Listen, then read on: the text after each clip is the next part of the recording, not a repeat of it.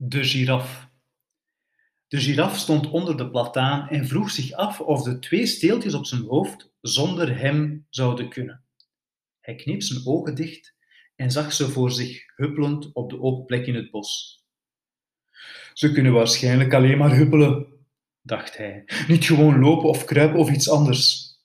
Ze huppelden tussen de bomen door en kwamen iemand tegen. De giraf kon niet goed zien wie dat was, die hen verbaasd aankeek. Wie zijn jullie? vroeg hij. De steeltjes, zeiden ze. De steeltjes van de giraf. Ik ben het ene steeltje, zei het ene steeltje. En ik het andere steeltje, zei het andere steeltje. We zijn voor onszelf begonnen. Maar waar is de giraf dan? Dat wisten de steeltjes niet. Hij heeft ons in de steek gelaten, zei het ene steeltje. De giraf deed zijn ogen weer open en voelde zich verdrietig. Ik laat jullie nooit in de steek, dacht hij. Hoe, kunnen jullie dat denken? Het was stil op zijn hoofd. De twee steeltjes verroerden zich niet.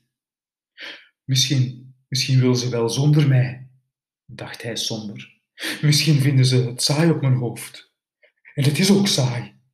Altijd maar daar staan, overal mee naartoe gesleept worden, niets te zeggen hebben. Hij kneep zijn ogen weer dicht en zag ze van zijn hoofd afspringen. Hoorde ze zeggen: Hé, hé, eindelijk van dat domme hoofd af. Zeg dat wel. En zag ze tussen de bomen verdwijnen. Even later zag hij ze op zee varen. Het ene steeltje hield het roer vast, het andere steeltje stond op de uitkijk. De walvis, de walvis! Waar? Daar! Ze legde aan tegen de flank van de walvis, klommen op zijn hoofd en dansten onder zijn fontein. Wat is dit heerlijk! riepen ze.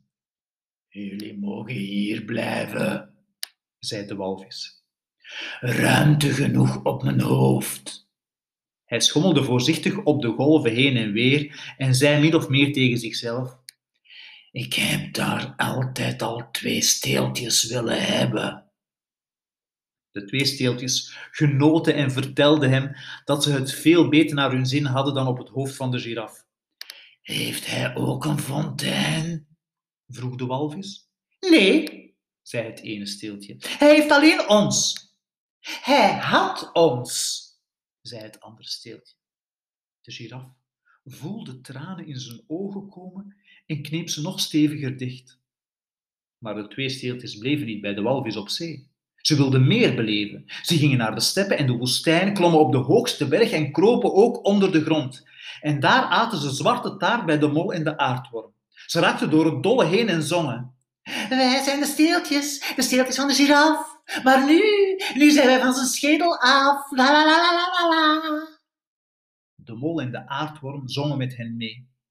Na lange omzwervingen kwamen ze tenslotte hem, hun giraf, weer tegen. Hij stond onder de plataan te treuren met zijn verlaten hoofd. Hij deed zijn ogen weer open. Ik vraag me af of ze wel eens met mij te doen hebben, dacht hij. Hij wist dat niet en besloot voortaan zijn ogen niet meer dicht te knijpen. Niets meer voor zich te zien en te denken dat zijn steeltjes altijd blij waren dat ze op zijn hoofd mochten staan. Het is een voorrecht, zei hij. Beseffen jullie dat? De steeltjes zeiden niets.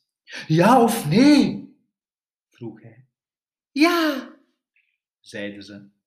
Hij verstond het goed.